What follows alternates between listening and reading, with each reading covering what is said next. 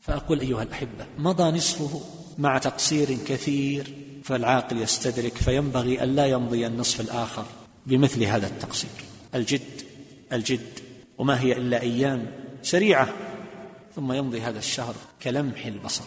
ويتذكر الإنسان أن حياته جميعا كانت كلمح البصر.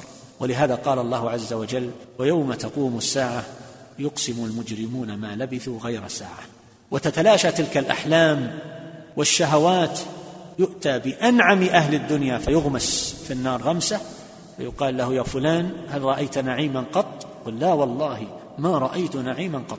وتتلاشى أيام التعاسة والبؤس على من لزم طاعة الله عز وجل.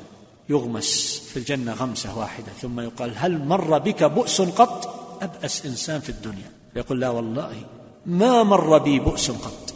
هذه هي الحياة أحلام.